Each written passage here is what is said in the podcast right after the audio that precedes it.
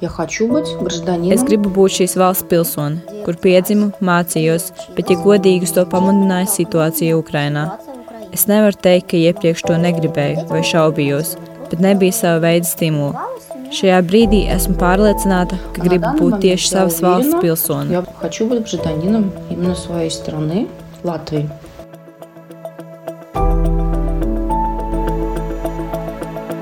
Mani sauc Samants, un šis ir stāsts par manu mammu. Marina, Latvija ar nepilsoņa pasi. Ģimenē viņa runā krievu valodā, darba ikdienā lieto latviešu valodu.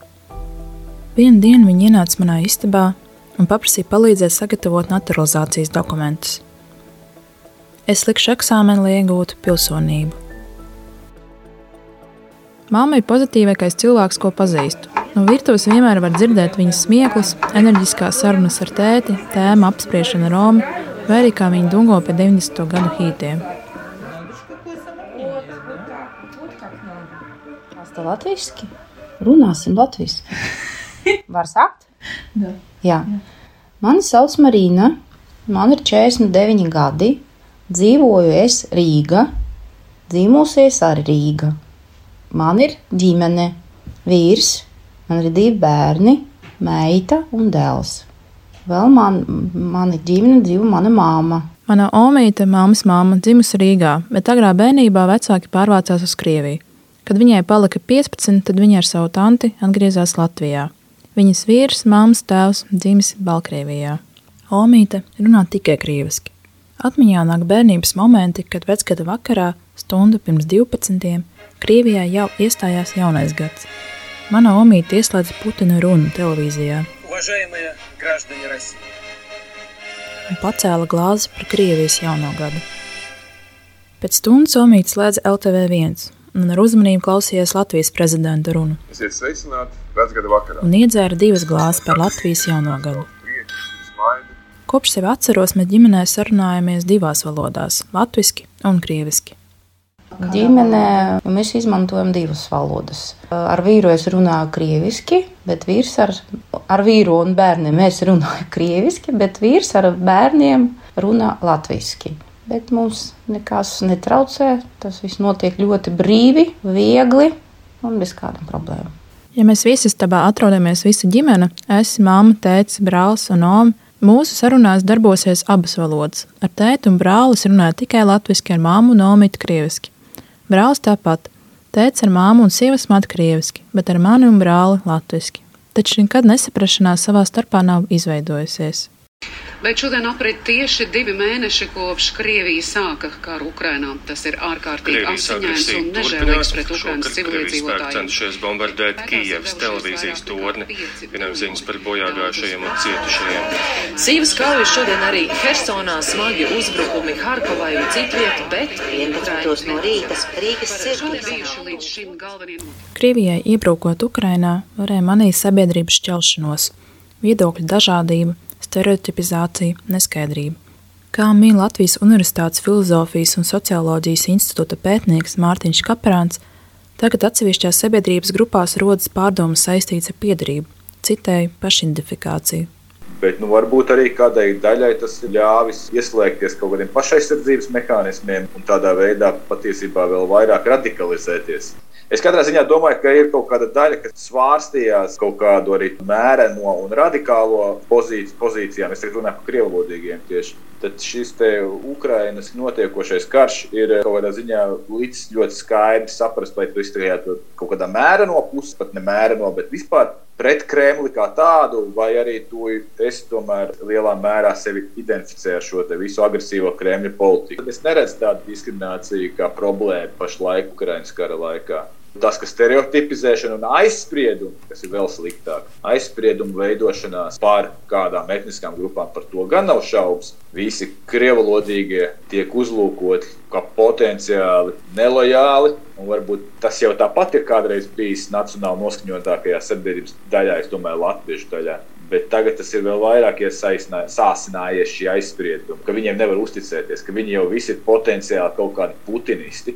Es nekad nejūtu.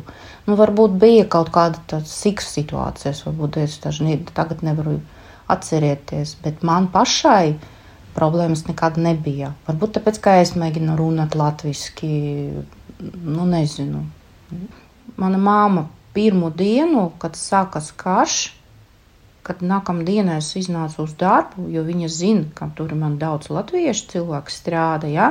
Pirmais jautājums bija, Marina, nu kā? Es no sākuma nesaprotu, par ko viņa jautāja, kā, kā, ko, nu kā.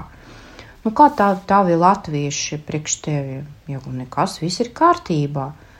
Kāpēc jau tu tā prasi? Es pārdzīvoju par tevi, ko viņi tagad domās par tevi, kā viņi ar tevi runāsi un kas būs tālāk. Egu man, paldies Dievam, man vis, visi normāli cilvēki, visi ar labo atteiksmi. Es domāju, ka tā lielākā problēma ir joprojām par to, ka uh, latviešu vidū uh, ir tāda revanšistiska domāšana. Māmas domāšanu arī ietekmē sociālajā mēdī. Saturs, kas rādās tagad kara iespējā. Vācijā, piemēram, nelaiž cilvēks restorānā, ja tie runājot krieviski, sasistas un apcūkots mašīnas, jo tām ir krievu numuri cilvēkus atlaiž no darba, ja viņi ir krievu tautības. Māmas lēmums iet cauri naturalizācijas procesam tika pieņemts, kad Krievija iebruka Ukrainā. Tēvs man bija no Baltkrievijas, māte no Krievijas, viņa skaitas, un viņam no paša sakuma nebija dota tā pilsonība. Tā kā es piedzimu tikai 72. gada, man automātiski nebija dota tā pilsonība, tāpēc man vajag viņu iegūt. Es sen par to domāju, bet man nebija vajadzības. Es beidzot nebūšu vienkārši nepilsoni. Man kaut kādā ziņā tas dokuments nepatīk. Ne jau tāpēc, ka viņš ir violetā krāsā, bet tas, ka tur rakstīts nepilsoni. Mans ir nedaudz bēdīgi, jo es šeit dzimusi, izmācījusies, un visa man dzīve notiek šeit, un kāpēc esmu nepilsoni. Varbūt tāpēc man tas nedaudz aizskar un gribu iegūt Latvijas pilsonību. Jā, man kauns par krieviem, un vienā momentā man bija kauns, ka esmu krieviete. Protams, nebūs tā, ka iegūšu pilsonību un kā es kļūšu par tīru latvieti. Tā nebūs. Taču man liekas, tādā veidā es piepildīšu savu iedzīvotāju pienākumu un parādīšu, ka esmu par Ukrainu. Tā ir tikai tāda mana pilsoņa nostāja. Iespējams, ne visiem tā ir saprotama, tomēr man dvēselē ir tāda sajūta. Ārpus ģimenes māma nav pastāstījusi, ka grib iegūt pilsonību. Neuzskata to par vajadzīgu, tā kā mūsu ģimenes un paziņu lokā ir izveidojušies dažādi viedokļi. Māmai nebija pārliecības, ka noliks eksāmenu. Bija jāatkārto vēstures fakti, gramatika un latvijas himna. Veselības tātad veselība pārbaude vajadz īpaši tā, tā ir A, A sapratu.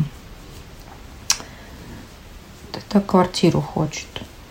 Igri obligāti vo, viņam jāveic obligāti veselības pārbaude. No, dēļ tā, ka es nebiju vienīgā, ja, bijām atnākuši 8-9 cilvēki aptuveni. Uh, tur uz katru uzdevumu dodas pusstundu laika. Tas sanās, ka tā pārtraukuma laika mēs sēžam blakus vienai sievietei, viņa ir baltkrieviete, kura ir Baltkrievu pilsonība, bet viņa 90. gados eh, pārcēlus šeit uz Latviju, šeit viņa dzīvo kopā ar savu vīru. Un viņa, viņa pateica, ka viņa jau dažus gadus domā par to, ka viņai vajag Latviju pilsonību. Sieviete bija gandrīz laikam jau pensijas vecuma. Es brīnos, un man uz vienu brīdi paliek kauns, kā gatavojas es un kā bija sagatavota viņa jo viņai bija gandrīz pilns čemodāns ar dažiem mapēm, papīriem, pildspāla viena otrā. Tomēr māma atver... uzskata, ka nekas nemainīsies, kad iegūs pilsonību. Vienīgais tagad varēšu iet balsot. Varbūt kaut kāda man iekšējā sajūta. To es daru sevis dēļ, un tā sajūta mainīsies, jo es būšu pilsoni. Nevis kaut kas. Šobrīd jūtos it kā gaisā pliminātos.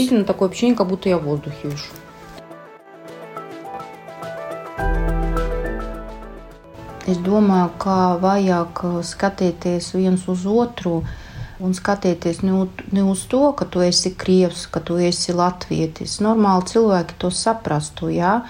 Pēc tautības nevajag dalīt cilvēkus, tikai pēc cilvēcības, jo katra tautība ir dažādi cilvēki.